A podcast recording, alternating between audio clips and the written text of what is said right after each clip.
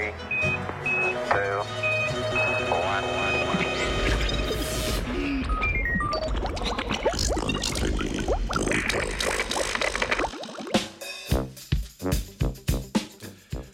Ne le matične, tudi mišične. Združene raziskovalne skupine iz Španije in Portugalske v reviji Science poročajo o dosedaj nepoznanem mehanizmu celjenja skeletnih mišičnih celic. Celjenje mišic je bilo do nedavnega pripisano delovanju v tkivu. V tkivu prisotnih matičnih celic. Raziskovalne skupine so odkrile, da so skeletne mišične celice same zmožne neodvisno voditi obnovo poškodovanih delov celice.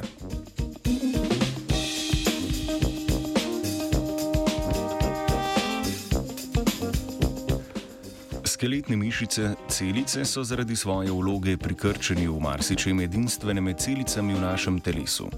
Tako po notranji organizaciji, kot tudi po velikosti. Mišična vlakna, ki so poleg živčnih ena najdaljših živalskih celic, so lahko pri ljudeh dolga vse do zavidljivih 4 cm. Da pa lahko nadzorujejo delovanje na velikih razdaljah, so se morali dodatno prilagoditi tako, da vsaka celica vsebuje več celičnih jeder. S tem uspejo zagotoviti zadostno proizvodnjo proteinov v vseh predeljih celice.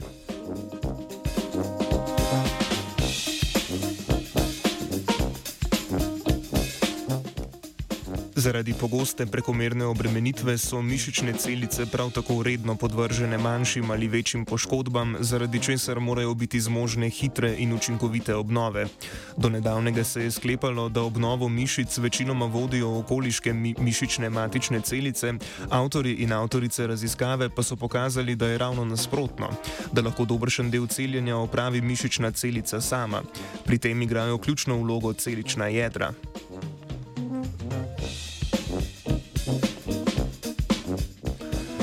Po poškodbi pride znotraj celice do množice fizioloških sprememb, ki na mesto poškodbe privabijo najbližja celična jedra. Ko so enkrat na mestu poškodbe, se iz jedra začnejo izražati geni za sestavne dele poškodovanih mišičnih vlaken ter drugi geni, ki so vključeni v proces celjenja. Vsi skupaj zagotavljajo, da se mišica po poškodbi zaradi prekomerne obremenitve zaceli v nekaj urah.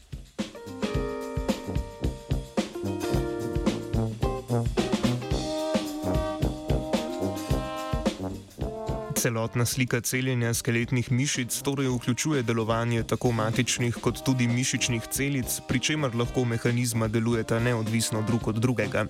Odkritje predstavlja nov pogled v možnosti za uspešnejšo regeneracijo mišic in odpira nove smernice v raziskovanju biologije muskel fibra.